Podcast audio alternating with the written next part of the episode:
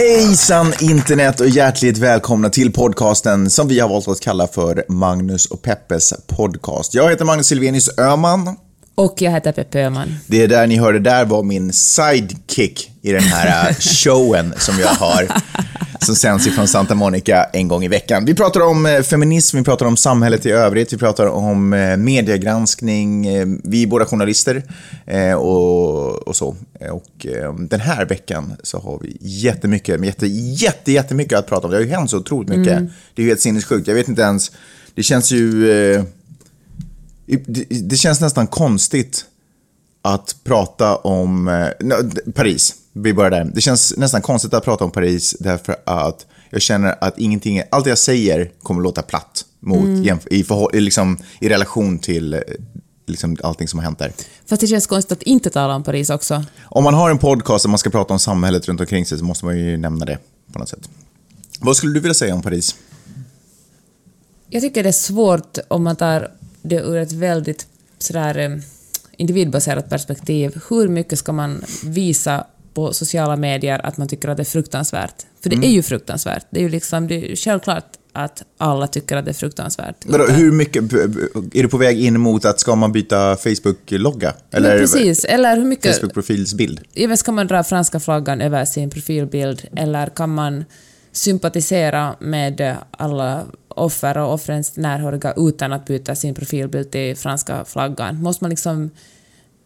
Är Ah, man, är vänta, man, är man du- för du? Isis om man inte byter ut sin profilbild till flaggan? Ja, Jeanette, så är det. Du, du måste välja sida nu. Är du för Frankrike eller är du för Isis? Tydligen är för Isis då eftersom Du jag har inte har... bytt. Nej. Berätta varför du inte har bytt. För att... Uh, ah, fan, jag vet inte. Jag tycker det är självklart att jag tycker att det är en fruktansvärd grej utan att behöva bevisa det genom att byta ut min profilbild mot franska flaggan.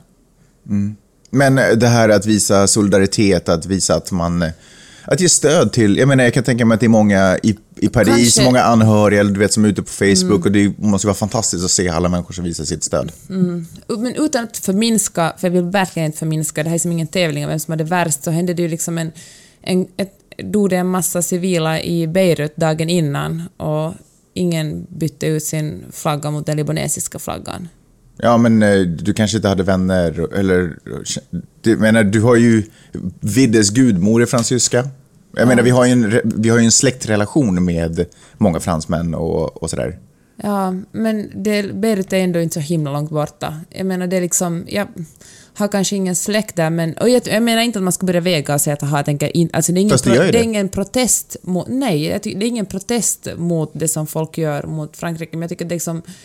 Jag, jag vet, det har kanske inte varit ett så stort beslut, men jag, tyck, jag, jag vet inte, jag kanske vill... ehm, Jag tycker det är självklart att, jag, att det är fruktansvärt det som hände. Jag tycker att Isis är mördare och det är en massaker och det är fruktansvärt, men, men jag, jag tror inte att min profilbild på Facebook påverkar det så mycket. Sen vill jag, kanske det är också det för att jag hyser kanske en liten aversion mot, mot Facebook. Jag vill liksom inte leva mitt liv bara genom Facebook. Jag vet att Facebook ska vara på något sätt ett talesman för allt jag tycker och säger. Jag vill liksom ha andra utlopp för det. Men, eh, men eh, det, okej, det här är intressanta då. Är, är, ehm, är offren i Paris viktigare, lika viktiga eller mindre viktiga än eh, alla andra människor som har dött för Isis och extremisters Men händer? alla människoliv är ju såklart lika mycket värda. Men, men är det okej att som individ ha en närmare relation med en människa i förhållande till en annan människa? Ja, men det är ju Och, klart kä- och känna en starkare empati inför en människas öde i förhållande till en annan människas öde? Det är klart det är det. Men eh, sen om, om vi talar om Facebook ännu, så till exempel hade ju Facebook Ja, men bortsett från- okej, no, Får jag tala om det? ja, för, det. För, jag- men hade den funktionen där man kunde leta upp folk som, för att kolla om de var i säkerhet och folk som var i Paris kunde lägga ut dem var i säkerhet. Och då fick ju Facebook mycket kritik för att det bara, liksom, de bara bryr sig om Frankrike, de bryr sig inte om andra ställen. Vilket, och det är ju en jättebra funktion, men det jag tycker det är också en legitimerad fråga att varför är det liksom viktigare att folk är säkra i Paris jämfört med No, för nu tar jag exemplet Beirut, för det hände dagen innan. Men det, du, därför att du svarade på den frågan själv. Du sa att det är okej att ha en, en närmare relation Ja. med en människa i förhållande till en annan och att känna större empati. Nej, det har man, men jag talar om Facebook. Varför, varför Facebook är ingen Nej, men individ? Facebook återspeglar ju mina känslor Nej, den här det, är det, de försöker, det är det de försöker göra. Nej, den här funktionen är inte, till, oberoende om du har liksom hela din släkt bor i, i Beirut, har du ing, har, finns den här funktionen inte där. Okej, Mark men- Zuckerberg har inte installerat den för något annat land Okej. än för Frankrike. Men Alltså Facebook återspeglar västvärldens syn på... Och fan, Beirut är väst. Alltså det är inte så himla mycket. Jag, jag kan förstå att det känns väldigt annorlunda. Eller det är liksom... Afghanistan känns väldigt avlägset. Och utan att sätta några värderingar heller, men Beirut är inte så långt borta. Nej, liksom men du förstår ju också, nu vet ju du att det känns mer avlägset än Paris. Det förstår ju du också, eller hur? Att det gör. Du har ju, du känner ju en större, du åker ju till Paris på en weekend, inte till Beirut av en anledning. Inte sant? För att det är nära och lätt. Och, men för det är inte så hemskt länge sedan det var helt okej att åka till Beirut på semester. Alltså jag förstår vad du säger. Jag tycker att det är hemskt att, eh, att så många människor har dött utan att det någonsin har uppmärksammats av individer eller stora multimiljardärföretag som Facebook. Men, men tycker du, men eh, förstår du också det naturliga, eller jag kan se det naturliga i det, kan du se det naturliga i det?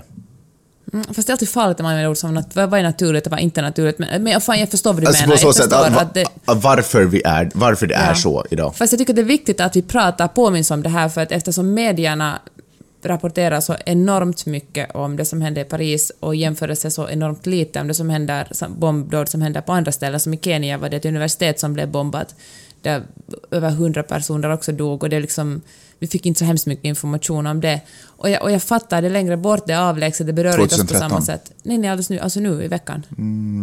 Va? Va? Jag tycker att det var en från april 2013 faktiskt. Okej, det är jag, jag, tror att den, jag tror att den Ja, ja. publicerades nu därför att det var sådär, hej, Ja, minns ni de här? Ja. Okej. Men jag menar bara det att, att jag tycker att kanske journalister har ett ansvar att sätta det här i perspektiv och, och inte, kanske journalister inte borde... Ah, fan, vad är det jag försöker säga nu? Förklart att journalister också ska rapportera om Frankrike. Men jag menar, det är viktigt att diskutera det här att alla människor är lika mycket värda trots att det intresserar oss mer det som händer nära oss. För att om vi bara... Om journalister börjar tänka så här att, aha, det, att det är bara sånt som sker väldigt nära som intresserar oss och som vi bryr oss om och som är uppe jättestort, då matar de på den här, på något sätt, känslan av att vissa människor är viktigare än andra människor, att vissa vissa terroristdåd är, är grövre än andra, eller liksom, vissa måste vi bry oss om mer än andra. Förstår du? Ja, fast Så- det är det inte så. Men jag tror att, att nej, nej, jag förstår känslan, men det är inte så. Jag förstår att vi känner att de är viktigare, men i praktiken är alla terroristdåd lika fruktansvärda. Alla förlorade människoliv är lika vidrig, det, det är lika vidrigt. Det finns liksom ingen, ingen värdering i att, att, att vissa, att det är liksom värre att västerländska människor dog på en konsert än att, att eh, andra människor dör i, i Bagdad. Jag menar, det är sam, ett människoliv har samma värde. Och trots att vi vanliga typer känner så här att vi, vi har en, en närmare anknytning till de som gick på eh, Eagles of Death Metal, hette de så. Det var någon som talade om det bandet faktiskt bara för några dagar sedan. Jag tror det var Perny, det var i Venice. Så, men, men då känner jag så här att då har media kanske, då har vissa journalister en, en uppgift att, att inte mata på den här känslan utan att skriva mer än vad man gör nu om allt fruktansvärt som händer längre bort från oss. Och försöka få folk att förstå att det också är människoliv. Jag tycker det är så jäkla, jäkla, jäkla, jäkla, jäkla, jäkla, jäkla svårt. Därför att jag kan, jag kan absolut se journalistikens problem med att en bomb exploderar i Bagdad, eh, det kommer upp på löpsedeln och ingen köper tidningen. Eh, därför att bomber exploderar alltid runt omkring i världen. Det är bara det att de inte brukar explodera så mycket i Europa. Det här är den känslan, den bilden jag har av världen. Men när den exploderar i, eh, Frankrike, dels för att eh, det är ganska stor sannolikhet att eh, man som svensk eller finländare har vänner eller släkt eller kan ha besökt platsen. Man känner att oj, jag hade kunnat vara där, du vet när det hände. Eh, Så kommer det också sälja mycket mer. Så därför kan jag nog liksom se hur den händelsen är och det här, är inte, det här handlar inte om när vi står vid pärleporten, vems liv som vägs mest, men de liven är intressantare och viktigare. Och, den, och att det sker på den platsen är intressantare och, och viktigare för mig i informationssyfte. Men om man, om man säger det så här Därför då, att det här kan få mig att justera mina planer, det här påverkar mitt liv. Det påverkar, mitt liv påverkas inte av att en bomb exploderar i Libanon. Men jag, först, jag förstår det, men som journalist kanske det är viktigt att lyfta upp andra motsvarande dåd just nu när vi känner den här smärtan för de som eventuella närhöriga som, anhöriga som har funnits där i Paris. Då kan vi förstå att det finns folk i, i Kenya eller folk i Beirut eller folk i Bagdad som har känt exakt samma sak. Att det är viktigt att när det händer sådana saker att vi, att vi påminns om att uh, den här smärtan existerar hela tiden på andra ställen också. Varför är det viktigt att vi påminns om det? Jag förstår inte. Vem hjälper det? Varför är det för För att... jag tror att det ska vi skapa en vi och dom-känsla annars, att vi bryr oss inte om det som händer långt borta. Men om vi på något sätt, förlåt nu att jag är lite Men we fast- are the world, men we are the children, men liksom jag tror att fan, vi måste, vi är vi liksom. Vi, människor som flyr från, från Syrien är lika, vi måste ta emot dem och vän, liksom bara, vi måste fan mera kärlek. Mm. Och genom att inte dela in oss i vi och dem, att det är oviktigt det som sker dem, men det är viktigt det som sker oss, så skapar vi en sån här Fast det är intressant, för jag började den här argumentationen med att lite argumentera emot dig bara för sakens skull, för att det skulle bli en diskussion. Men nu börjar jag nästan känna att jag faktiskt inte egentligen håller med dig. Jag tycker att det är helt okej, tror jag. Jag ska, jag ska fundera medan jag pratar och se om det blir en... Det brukar bli bra. Det brukar bli jäkligt bra. Jag kanske måste revidera allting jag säger i en bloggkommentar under din blogg eller, eh, eller nästa podcast, men, eller nästa veckas podcast. Men jag ska, jag ska säga så här. Det Att kanske jag, nackdelen med att inte klippa något i den här podcasten är att ja, men dumheter slinker ut. jag tycker inte, jag tror inte att, eh, att, att, att, att jag upplever ett vi och dem, tror inte jag är det stora problemet. Alltså det, det, det förutsätter inte att jag måste behandla dem illa. Det förutsätter bara att eh, när någon nära mig dör så gråter jag och när någon av dem dör så kan jag, jag kan empatisera med den känslan och känna att nu är inte läge att dra upp någonting annat utan jag, ger, jag kan respektera men jag gråter inte för det. Att jag, jag tycker att det är okej. Jag tycker inte att vi kan inte, jag tycker inte att det är rättvist att, göra, att skapa en illusion om att vi måste alla vara en eh, enad, vi är alla en enad mänsklighet. Och jag menar, jag förstår det på, ett, på, på något sätt ett filosofiskt plan, förstår jag det. Och också på sätt och vis på ett biologiskt plan, att vi alla är samma skrot och korn. Men socialt och kulturellt så tycker inte jag att, jag tycker inte att man gör någon, någon en tjänst att låtsas som att vi alla är samma sorts människor med samma bakgrund och samma, samma förutsättningar. Därför att vi är inte det. Vi föds med, ja, inom samhället bara så föds vi med olika talanger och olika förkunskap och olika genom och allt möjligt som... Men sen då, alla vi, liv är ju ändå lika viktiga. Jo, men det finns fortfarande ett vi och dem. Det finns de som si- besitter en viss form av eh, Mm. Fast vet du vad? tankar och idéer. Därför vill jag inte förknippas heller. Egentligen så tror jag också att det här är anledningen till att jag inte heller har bytt ut min Facebook-profillogga. Därför att jag vill inte vara, jag tror inte att jag nödvändigtvis, jag är inte säker på, rättare sagt ska jag säga, att jag vill vara en av dem i den här klumpen. För den här klumpen med folk som har franska flaggan i alla sorters människor. Det är högerextremister som har satt den här flaggan på därför att de har sett det som en, en chans att, eh, att föra fram det de alltid har sagt ungefär. Och det, och det finns naturligtvis folk som jag upplever som vettiga och smarta. Men som en enad grupp så är jag inte en del av det viet. Men du är bara ett tydligt individsamhälle, du är inte som alla andra, du är individen. Det är ju liksom, det är det vi talade om tidigare på där också, att ingen, det finns ingen solidaritet utan man är främst av allt en individ. Ja, men jag tror att det finns ett vi och dem, men bara för att Fast- det finns ett vi och dem betyder inte att man måste behandla Men- alla respektlöst. Jag tycker fortfarande att vi ska hjälpa flyktingar som kommer hit, men det är dem vi ska hjälpa, inte vi vi ska hjälpa. Ja, fan, jag tycker att det är vi. Och jag tror för övrigt att det, att det finns... Du har säkert större likheter med många 40-åringar i Beirut som lyssnar på hiphop än du har med många uh, finländare i som Men jag har kan- bott i tio år. Jag Absolut, menar, men jag kan jag tror att gränser, om vi nu måste dela in folk i liksom olika kategorier, så tror jag att gränser är ganska påhittade. Alltså människor är likadana oberoende när de växer upp i fan, Absolut. Paris eller Stockholm. Jag tror att det är en, en jättestor tankefälla om man tror att det här viet är någonting statiskt. Och därför tror jag inte heller att murar fungerar, därför att de är ju ganska statiska i sin natur. Viet är ju någonting som är väldigt fluktuativt. Jag kan vara vi... Fluktuativt? Jag hittade på det ordet. Nej, men det- vi, vi är någonting som är väldigt föränderligt. I vissa situationer så... Jag menar, i vissa situationer så är det du och jag som är viet. Eh, och i en annan situation så kan det vara eh, jag och några polare som lyssnar på hiphop. Alltså det, ju, det förändras ju hela tiden. Det, kan, det Jag finns lyssnar faktiskt också på hiphop. det finns, ja, så i den, den situationen är vi också ett vi. Men det finns ju många situationer givetvis där jag delar, där jag är ett vi med många andra människor på planeten.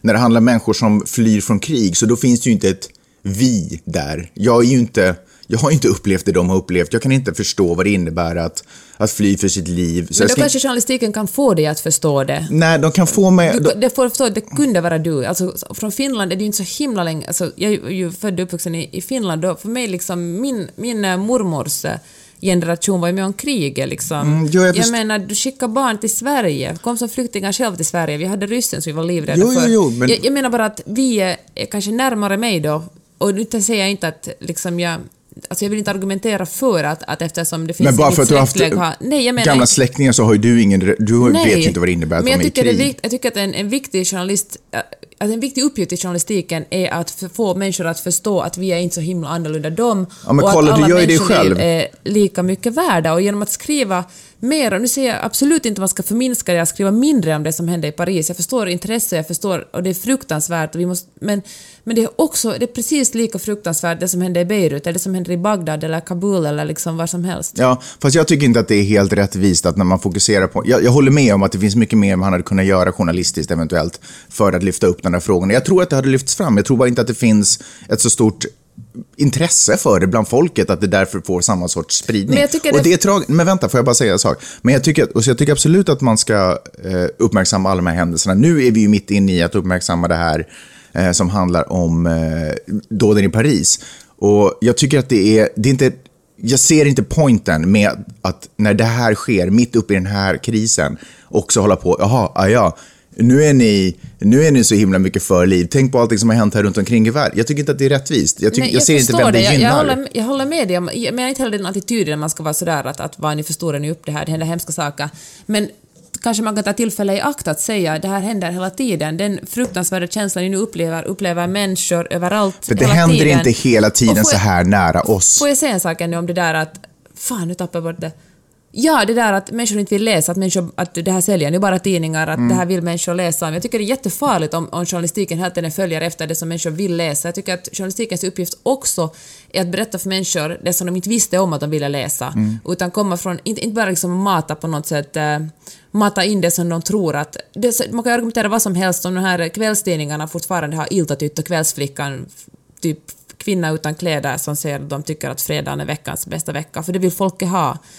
No, bara för att folk är är vana vid att se nakna kvinnor i tidningen betyder det inte att det, att det är ett argument för att fortsätta publicera dem.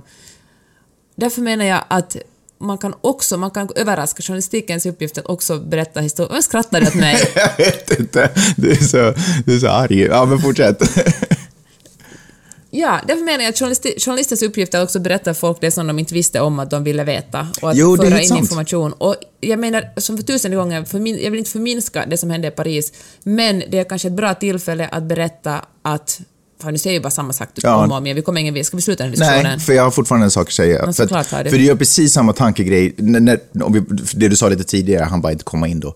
Eh, när du pratade om, okej, så folk har varit med i krig, de kom hit som flyktingar. Och så gjorde du genast sådär, du gjorde ju själv genast tank, tankeexper- eller tankelänken för att knyta an empatiskt. Du gick tillbaka till din egen mormor. Du kunde inte bara som en egen individ ta till den här informationen, Nej, utan du måste jag sa det att jag kanske har lättare att förstå det här, eventuellt för att jag kommer från Finland där den generationen, min, liksom den, min far och morföräldrar har talat mycket om kriget. Mm. Eventuellt är det därför, sa jag. Jag sa inte att det var en teori för att liksom på något sätt stödja din teori. Men, men, naturligtvis, men, men jag, alltså min teori är naturligtvis att vi, på, vi är inte alltid konstant i alla ögonblick del, eller en och sam, eller vi, ett vi, så att säga.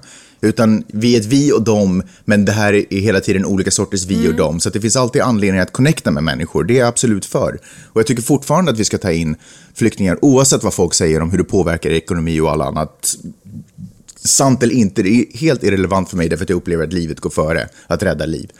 Eh, men när det handlar om eh, hur folk, eh, vad journalister ska rapportera om så tycker jag givetvis att det är ju deras uppgift att rapportera om saker som händer i Libanon i hopp om att det ska slå an den vi, någon form av vi-känsla som gör att jag också engagerar mig och blir intresserad av, av andra människors livsöden. Givetvis, så vi är helt överens om det här. Jag vill bara klara det. Men jag tycker att det är viktigt att också förstå att det finns ett vi och dem. Tycker jag. att, det, okej. att det finns situationer då vi och dem också är relevant. Jaha, inte jag. Eh, det Det är, finns inget vi i, i mig och högerextremism, vare sig de heter Isis eller om de heter eh, finsk frihetsfront, eller vad fan de kallar sig för. Det finns inget vi och dem mellan mig och dem. Eller det finns inget Men, vi. men tänk om de också lyssnar på hiphop? Ja, så i den situationen så finns det ett vi, men det finns inte, i, i deras politiska så finns det inte ett vi. Det är det jag menar. Att man kan inte sätta den här, äh, vi kan inte alltid bara vara vi. Det måste också finnas ett vi och dem. Ah, fast talar vi nu om olika Vi är saker? samma och vi, vi är liksom lika olika. Ja, ish. Men Fast skitsamma. när det handlar om människor som dör i attentat, är vi, fan, där tycker jag att det är, liksom, de är, ju, det är, ju- det är döda människor. Det är, liksom, är, är liksom de döda människorna i Beirut och vi döda människorna i Paris, är det Mm. du försöker säga? Eh, Ja, i den här situationen, ja, det, ja, så är det.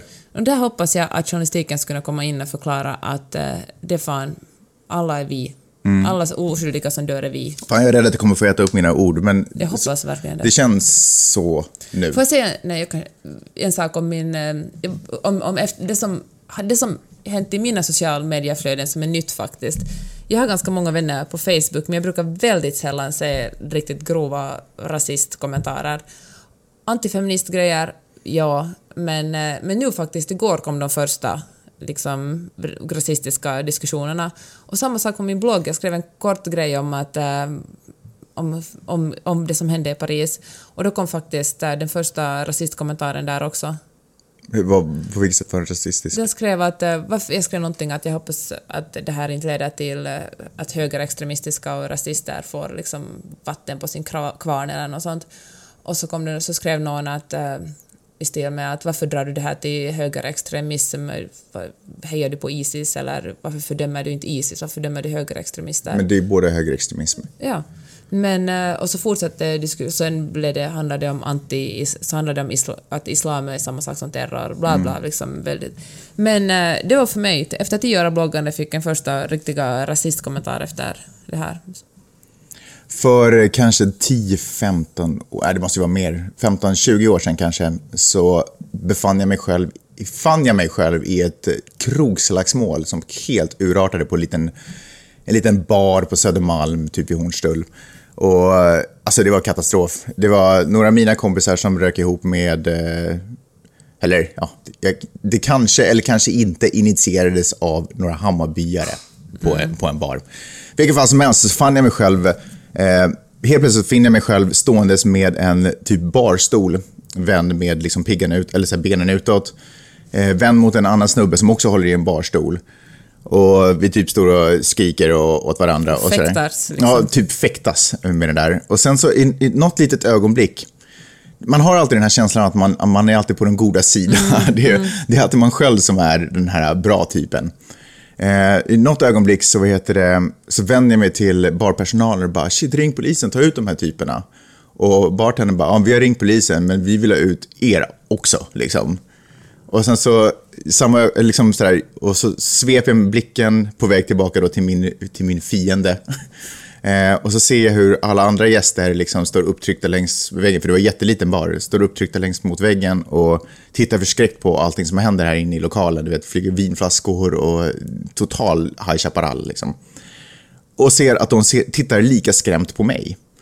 Och liksom, efter den där situationen och så förstod jag att man, man är inte alltid den goda fast man Nej. tror att man är den som bara försvarar det eller man kanske inte initierar, man kanske inte var med i början eller man kanske bara hamnar där.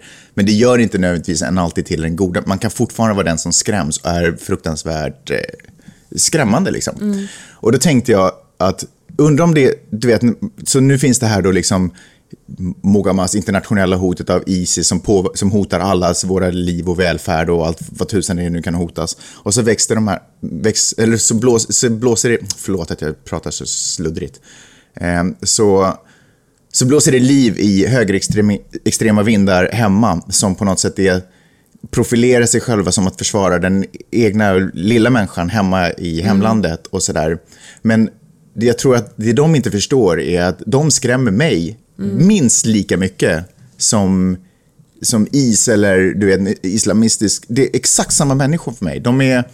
De har bara, de, de slår lika hårt, de är lika villiga, de är uppenbarligen lika villiga att begå brott och våldsbrott när de kastar brandbomber mot flyktingförläggningar. De är uppenbarligen villiga till terroristangrepp liksom. Och det är terrorist, terroristangrepp, eller, eller gå in i skolor och skjuta och sådär.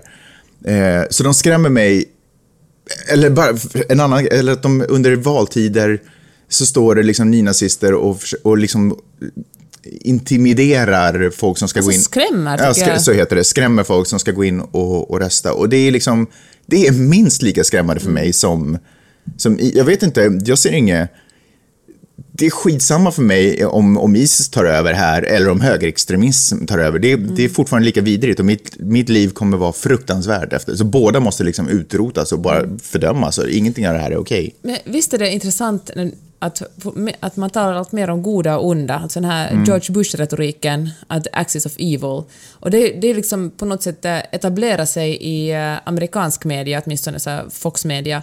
Men jag tycker att allt mer eh, finska och svenska medier också använder ord som onda. De här onda styrkorna, onda makterna. Och det känns på något sätt även om det är ondska som de utövar så känns det på något sätt naivt ändå att dela in, eller att bara använda en sån retorik när man talar om onda och goda. Det- Man måste kunna förklara det. Ja, på det här- ett mindre känslomässigt sätt. Vi har sagt det här förut, det här är inte Star Wars. Det är så otroligt förenkling av en, av en situation att hålla på att dela in det i svart eller vitt läger. Och det här jag menar, att det, i vissa situationer är det vi och dem, i andra situationer så har vi otroligt mycket likheter med eh, du vet, jag kommer säkert kanske slaktas för det, men det, jag, kan, jag är ganska säker på att det finns saker som jag har gemensamt med ISIS-krigare.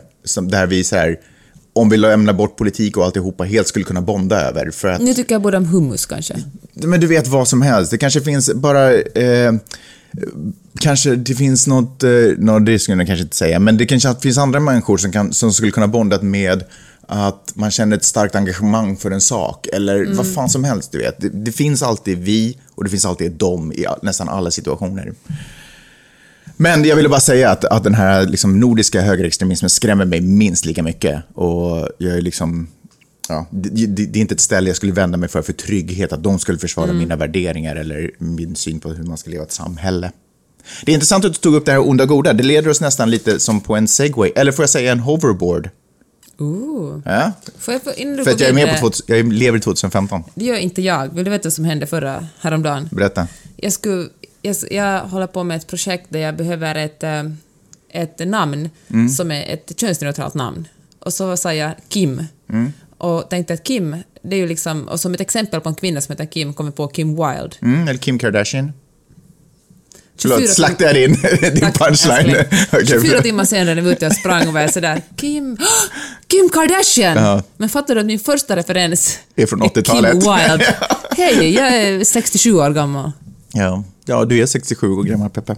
Vilket vad som helst, vi gör en liten hov- hoverboard. Jag måste lära mig säga ordet om jag ska använda det. En segway, en, en åsnebrygga till... När du pratade om eh, onda och det goda. Det är nämligen så att en pjäs som ganska mycket handlar om kärlek och ondska, vilket jag kanske ändå tycker är två intressantare motsatser.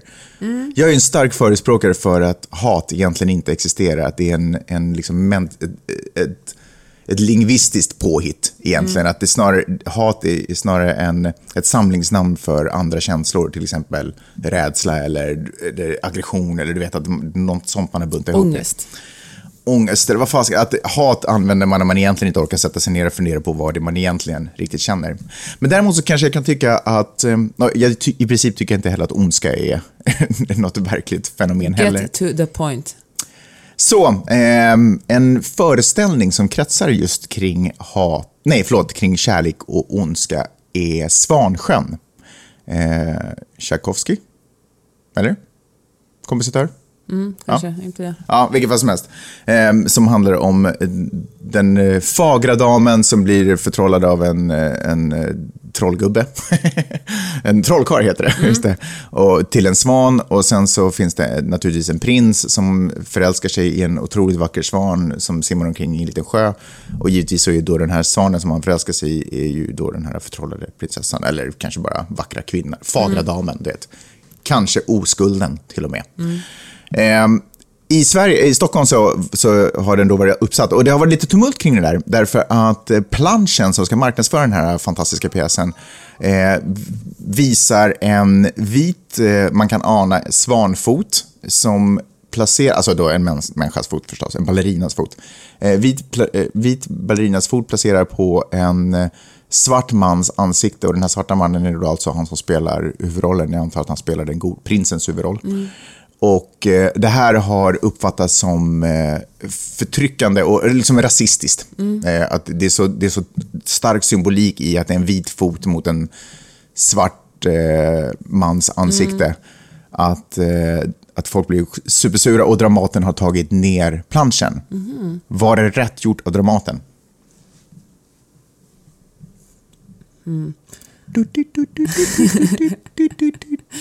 Åh nej, hur ska jag svara rätt? Vad är rätt? Vad är rätt? Vad är rätt? Vad är rätt svar?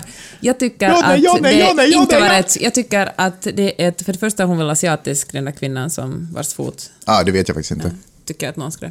Men ehm, jag tycker att sammanhanget förklarar bilden. Mm. Fanns det andra bilder? Eller var det här den enda som Eh, det här är den som jag förstått har diskuterats. Ja, det är ju en oerhört stark symbolik, men samtidigt handlar det om... eh, fan... Vad sa du, vem? Dramaten? Äh, eller operan förstås. Operan, förlåt. Ja. Uh, ja, konst. Alltså det måste gå under kategorin konst också. Det är ju inte liksom... Det handlar också om... Mm. Men det går Samma- under. vänta. Ey, kom igen, det är konst! Sammanhang i avsändaren.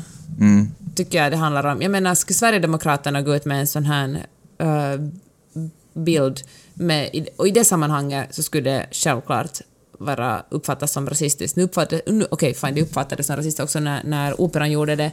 Men äh, jag tycker att äh, eftersom avsändaren är den det är så, så måste man ju kunna, man måste kunna se det som konst och försöka ta ett steg om man ser det som en rasistisk eh, bild tar man ett steg närmare och tar reda på sammanhanget innan man fäller domen.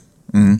I, vad heter det, I den artikel som skrevs i DN om det här så är tydligt, så, nu minns, minns inte jag vilken, eh, vad den här organisationen som gör, gjorde sina röster hörda eh, mot den här planschens visande, eh, vad de hette. Men de, de menar i alla fall på att den här koreografen, som är en ganska känd koreograf i Sverige, som heter, som jag tydligen visste vad han hette, Mats Ek, att han tydligen tidigare också har varit lite sådär eh, tveksam i sin, liksom, sin approach till rasism och, och sådär. Att de kanske li, inte riktigt fullt litar på att han är helt clean eller safe, eller vad, jag vet inte vad man ska kalla det för, men ni fattar vad jag menar. Aha, så det liksom byggde på sammanhanget? Ja. eller- Jag kan inte uttala mig om det, jag har ingen aning om det. Jag, är ti- ingen, jag tittar inte hemskt mycket på ballett och jag följer absolut inte koreografen Mats Eks, har inte följt hans karriär på något sätt. Men eh, bara som situation betraktad så håller jag helt med. Jag tycker inte alls att... Jag tycker snarare att det faktum att Dramaten tog bort... eh, Förlåt, eh, att Operan valde att ta bort de här eh, planscherna tyder på att det var rasistiskt. Alltså det faktum, de, de, De medgav då? Ja, exakt. De, ja, det var precis vad de gjorde. De bara, oj nej, det här är rasistiskt. Nu, ser, nu ser vi också det här. Eh, jag tycker inte, jag tycker att, jag tycker att man gör, man gör jämställdhet och, och liksom antirasism och sån här, en, en sån Björntjänst? björntjänst när man börjar peka på rasism överallt. Eh, på, när man börjar peka på, på rasistisk när man bara, ah, när man börjar säga att saker är rasistiska som inte är rasistiska. För att då, då kan man inte lita längre på källförteckningen. Liksom. Jag förstår vad du menar. Men samtidigt är det svårt för det finns ju antifeminism och sexism och eh, antirasism, alltså rasism överallt. Det är något som existerar precis överallt och man måste ju också kunna peka på det och tala om det. Och där jobbiga typen som säger att sorry att jag förstör stämningen här nu men jag måste säga att det du sa var rasistiskt eller det du gjorde var rasistiskt. Så att, jag, alltså jag tycker det är jättesvårt. Men, eh, men som sagt tycker jag att man kanske... Ja, nu sa jag ju genast att, att, att det beror på sammanhanget, att, att eh, operan skulle väl aldrig göra någonting rasistiskt, så fan vet jag tydligen. Men, Ja, men det är klart att de säkert Ja. skulle kunna göra Ja, det. är ju det- ingen garanti för Nej. någonting. Man får ju ta varenda situation som den är, men det här bygger ju på en kärlek mellan personen som har foten i ansiktet Mm. och personen som har foten i, på ansiktet. Mm. Det är ju en, det är en, det är en kärlekshistoria i det ögonblicket också. Mm. ja, precis. Och, och det finns ju inget hat eller förtryck i den berättelsen, åtminstone inte som handlar om Mm. rasism eller så. Så vår gemensamma ståndpunkt är att operan borde ha hållit kvar. Ja, men jag tycker att man måste, Reklamen. jag tycker att man måste ge konst eh, utrymme att diskutera och, och visualisera. Jag, jag tycker att det är en... Det, för det är, det, det måste, det måste, om inte vi har det fria, fria forumet att journalistiken, jag menar, där tycker jag att de kompletterar varandra så bra, därför att journalistiken kan beskriva en verklighet och, ehm, och konsten kan ge utrymme att filosofera kring den verkligheten. Eh, Och om man tar bort den ena av dem så då står vi ganska tomhänta med verktyg att förstå verkligheten. Up? du var analytisk Magnus. Boom! Tack. Ska vi snacka om eh, kringlor?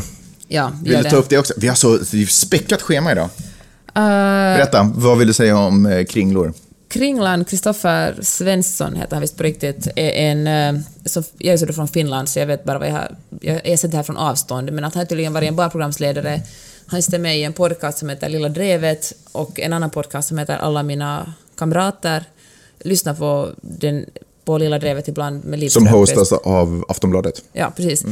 Och nu har han också skrivit en bok tillsammans med Nanna Johansson som är en jättebra serietecknare och femi- så här uttalat feminist. Och, och uh, nu har de tillsammans skrivit en bok som heter Omänniskor som handlar om uh, människor, det finns ett människor som förvandlas till djur. Det är en ungdomsbok, lite så här i stil med, med Ringen och uh, Cirkeln och Nyckeln hette den där trilogin, som var superbra.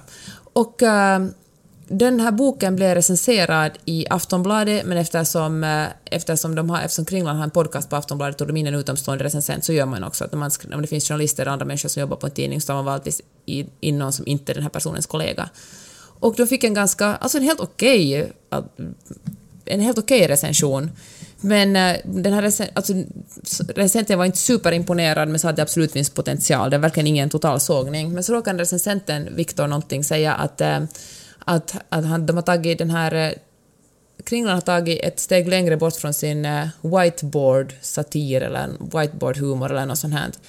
Vilket fick eh, den här Kringlan då att explodera. Han blev så förbannad så att han först attackerade Aftonbladets kulturchef Åsa Linderborg och sa att han ville... Han sa det, han, han, han tweetade men så sa han också i en, en annan podcast som inte ligger under Aftonbladet sa han att han ville eh, ursäkta nu, håll för öronen känsliga lyssnare, men eh, hugga henne i fittan med en yxa och eh, komma i hennes mun och verkligen så här, hota med grovt sexuellt våld. Vilket ledde till att eh, han blev avstängd från den här eh, podcasten, fick sparken från den. Och, eh, och eh, ja, Afton, Aftonbladet avslutade samarbetet med honom. In, inte podcasten som sådan. Nej, precis. Podcasten finns kvar. Och den här avstängningen, fan får se hur länge den håller. Men det var intressant för den här Åsa Linderborg sa senare i intervju att han har tydligen sagt ganska grova saker förut. Och jag kommer faktiskt ihåg att han har, att han har, att, jag följer honom på Twitter, och han har tweetat ganska så här obehagliga saker mot kvinnor främst och liksom sådär. Jag, jag kommer inte ihåg exakt vad, men jag kommer ihåg att jag tänkt på det att hur fan får man säga sådär? Och då ska vi, vi ska faktiskt recensera den här boken Omänniskor i, eh, i min andra podd som heter Mellan raderna som jag gör med min kompis Karin Gide. Och eh, när vi, när vi diskuterade den så, så, vill jag, så tänkte jag vilja prata om, om eh, de här tweetarna och Karin hade också upplevt något som hade sagt som var kränkande. Men då, då pratade vi om att vi liksom vågar inte riktigt säga det här för att han är lite känd för att vara så otroligt... Det här är ju superfegt av oss och jätteojournalistiskt att inte våga säga någonting. Men vi var så att ah, fan, det är nog skönast om vi bara säger lite, någonting lite vad vi tyckte om boken, inte ens så mycket. Och, desto, och efter att vi... Lite hybris också, ni också, att ni tror att alla lyssnar på er podcast. Jag vet, men det måste man ha. Fake it till you make it. Men, eh, och så sa bara vi, det klippa bort en del där, där Karin sa, för att vi var så jävla fega för vi inte ville... Jag gjorde det med gråten i halsen. för att vi inte ville liksom, leda till bråk. Och eh, nu har vi, har vi kanske inte exakt samma publik som Aftonbladet, men, Än. men, eh, men ja, vi liksom... Och sen tyckte vi också det var oschysst att recensera honom som person när vi egentligen skulle tala om boken. Eller så motiverar vi det här. Vår, Kan vi, kan vi snacka lite om, ja. Får jag ännu säga det här med Åsa Linderborg? Ja. Men hon sa i alla fall att hon, det vill säga jag, bör, jag började den här meningen innan jag avbröt mig själv, men hon sa att hon hon, ville, hon har inte reagerat så, så mycket på det han har sagt i podden, hon reagerar inte superstarkt på att på hans eh, hot om sexuellt våld, för att hon är så van vid det. Hon sa att hon bara, hon får sånt här hela tiden. Hon liksom hon måste byta telefonnummer med jämna mellanrum och ta bort sin sons namn från dörren för att det är ju inte bara en, en kvinna, det är inte bara en kvinna som, som skriver i eh, i offentligheten som utsätts, utan hela hennes familj utsätts. Och det är en man som, som skriver någonting så blir ofta hans fru och barn utsatta för hot om sexuellt våld. För liksom det, det är ett, ett så vanligt vapen, men att hon är på något sätt, hon är så, hon har, efter allt hon har utsatts för, är hon lite så vaccinerad mot det, så hon tar inte så, hon sa att det tar länge för henne innan hon verkligen reagerar på att det var, hur grovt det var. Men att nu inser hon att alla är ju inte i samma position som hon, utan folk blir ju rädda när man, folk blir som Karin och jag, som bara hehehe, vi låter bli att säga det här för att vi vill inte att han ska hota oss. Mm. Eh, vi måste snacka lite om det här eh, tonläget som ofta uppstår när, när, eh, när snubbar kritiserar kvinnor. För det, det accelererar, så, inte, inte alltid, inte alla män, men det accelererar allt som ofta. Eh, du behöver inte leta hemskt länge eh, i kommentarsfälten innan du hittar en ganska helt superonyanserad eh, liksom, tongång som antingen handlar om hot om våld eller du vet bara svordomar. Och det är... Jag tror att man inte... Alltså det här, så här talar man inte med någon som man har respekt för. Eh, om, eh, om Hells Angels ledare av någon outgrundlig anledning skulle ha skrivit en recension av hans bok i, eh, mm. i Aftonbladet så hade han inte hotat med att slå en yxa i den snubbens huvud eller röv, röv eller bollar eller något sånt. Mellangård. Utan det här är mellangård. Utan det här handlar ju om att han tror sig, eller han tycker sig kunna komma undan med att tilltala ja. på det här sättet. Att han egentligen faktiskt också står över. Jag reagerade också på att eh, Vasabladet, för länge sedan, Farsta var det de facto, för att det handlade, det var en alltså liten... förra veckan. Förra veckan, det var en liten onödig förlåt, men... En, Kommentar? Nej, men alltså, det var en, en, en artikel om eh, ett försök att berätta vad Farsta firandet kommer ifrån, Morsta-firandet kommer ifrån, skillnaden eventuellt där i eh, och, och, och göra någon form av slutledning till om hur det här hänger ihop med mm. hur vi ser på mäns relation till sin egen familj och kvinnors mm. relation och skyldigheter till sin egen familj vilket fall som helst, så man kan tycka vad man vill om den krönikan eller, eller den delen notisen, det spelar inte så stor roll. Men i kommentarsfältet så kom det ganska snabbt, jag minns inte vad han heter den där snubben, men skitsamma, det var någon som ganska snabbt skrev så här, skit, Vivica heter hon som har skrivit i alla fall krönikan, mm. bara skit ner dig i Vivica. Man bara va? Liksom helt... Du, så, där, så, där ska han inte, så där säger man inte till någon Nej. som man respekterar och som man... Eh, det är ganska tydligt att, den här, att man inte det var en kvinna som på något sätt satt något, något kritiskt mot uh, farsdagen eller kanske mäns roll i familjerna ja. generellt. Men på oavsett... Av statistik. Ja, men får jag säga bara. Ja.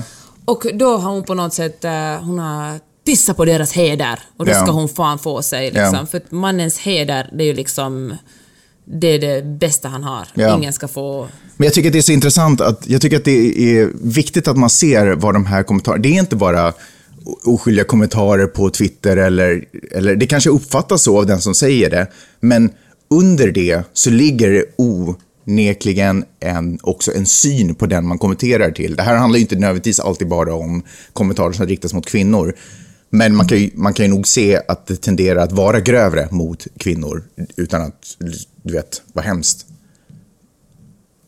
Ja, men Utan det, att ljuga hemskt mycket. Men, men det här är ju också nog hur, hur man tilltalar andra människor överhuvudtaget. Och man kan man ganska starkt se hur, hur den som slänger ur en sån kommentar ser på den andra människan men som människa. Generellt, det är ju så klassiska, det klassiska exemplet är att om någon försöker ragga på en på baren och man säger nej tack, nej tack, nej tack, så det är inte ett nej. Förrän man säger nej tack, jag har en man, nej tack, jag har en pojkvän. Och då är snubben så att ah förlåt, för man vill ju liksom inte disrespect en annan mm. snubbe genom att ragga på hans kvinna. Mm.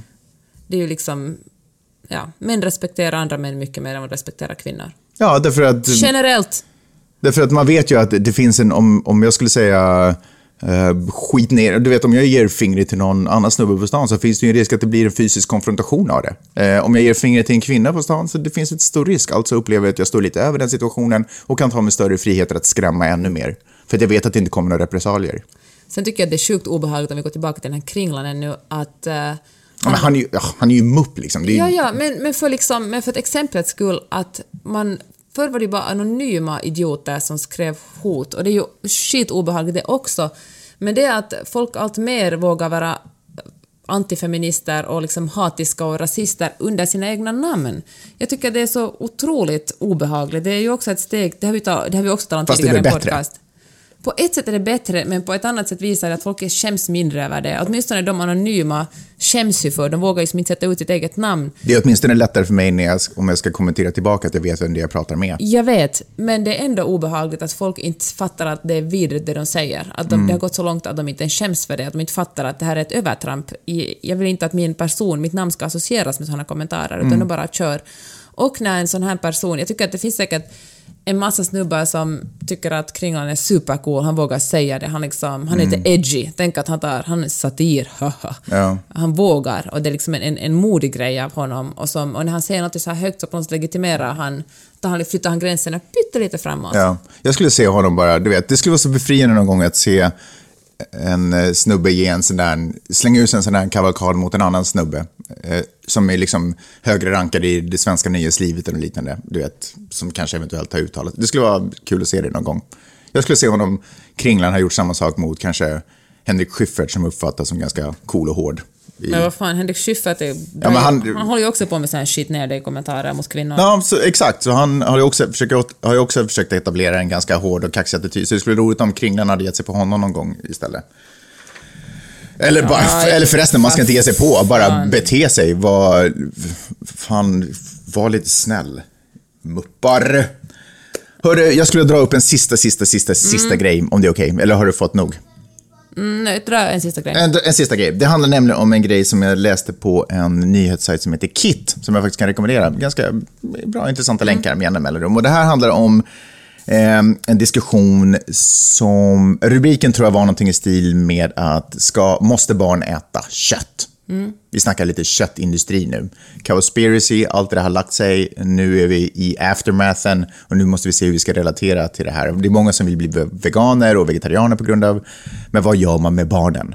Behöver barn ha kött? Måste barn ha kött för att överleva? Okej, så det skrev de en, en lång artikel eh, om, om det här, där de hade intervjuat en dietist som eh, la fram eh, argument för att, nej, egentligen la inte fram så himla mycket argument, utan proklamerade ganska rakt upp och ner att nej, så är det inte. Det, det, är, det är gammalt och det är inte, det är gammalt tankesätt och det är inte så längre. Barn kan överleva utan Barn kan kött. överleva utan kött. Och faktum är att det är mångt och mycket, mycket hälsosammare om barn får i sig alla näringsämnen och de, du vet, allt man kan tänka behövas, om man får i det genom växter och, och, och sådär. Och menar också att proteinet som, eh, eh, vad är det? Jag höll på att säga ett hormon, men det är det förstås inte. Men protein är överskattat också. Att det, sådär. Vilken fall som helst. Eh, och, och då tänkte jag så här, för då var det så här, ja ah, men shit, det här är ungefär lite så som jag också har tänkt, så att jag slukade ju den här artikeln med hull och hår. Men sen så började jag tänka, vad är det för referens de använder? Varför skulle jag tro den här dietisten? Och, jag, och då slog det mig hur viktigt det är, att, och speciellt tror jag, när man läser information som lite stöder ens redan etablerade syn på saker och ting. Hur viktigt det är att man är extra källkritisk eh, till den informationen. Och jag tänker så här, anledningen till det är därför att de argumenten som kommer, som du får genom att läsa artiklar som stöder din redan etablerade syn, är ju argument du också kommer använda själv. Och då är det extra viktigt att syna den liksom, och dubbelchecka den.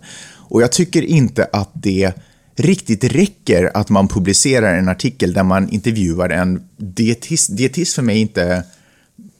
alltså jag, Men jag- vad har man som utbildning som dietist då? jag- jag- för- det kan ju vara att det är en universitetsutbildning. det kan mycket väl vara att det är en universitetsutbildning. Jag vet läkare som eh, också gör feldiagnoser. Eller jag, kan, jag vet att det förekommer sånt också. Det, det är ju inte en garanti för att man har fattat de rätta besluten eller att man har dragit de rätta logiska slutsatserna av någonting. Eh, det som på något sätt är ju kanske vetenskapliga studier, det vill man ju läsa, det vill jag på något sätt få källförteckningar till så att jag kan liksom undersöka den mån att jag kan läsa och förstå dem.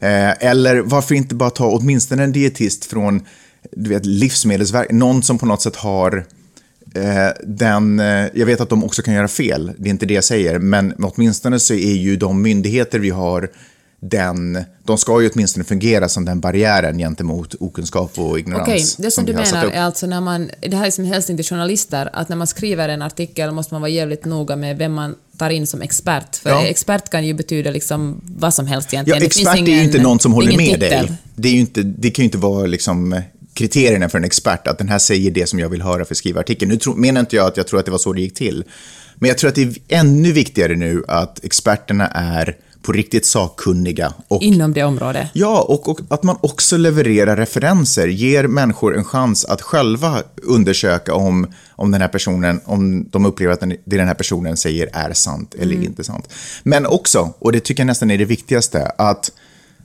att om, om du redan är av en åsikt så är det ännu viktigare, eller jag upplever för mig att det är ännu viktigare att jag syn, synar faktan i den artikeln som jag på något sätt lite stöder.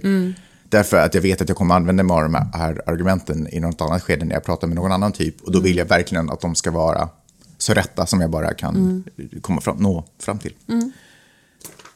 Men det är allt. Det var allt. Bra sagt. Tack för den här veckan Peppe. Tack själv Magnus. Det var roligt. Mycket vi hade. Hörni, vi- vill ni, eh, vill ni stödja oss och gå in och ge en recension på iTunes, gå in och- ge, eh, skriv en kommentar eventuellt. Supersnällt om ni gör det. Det betyder mycket för oss. Hitta oss på Twitter också, eller mest Peppe, det är hon som är aktiv där. Jag, jag kör Facebook för jag är, börjar bli gammal. Så är det. Vi hörs nästa vecka! Du borde vara i Kim Wildes ålder. det stämmer. Vi hörs nästa vecka. Ha det bra! bra. Hej.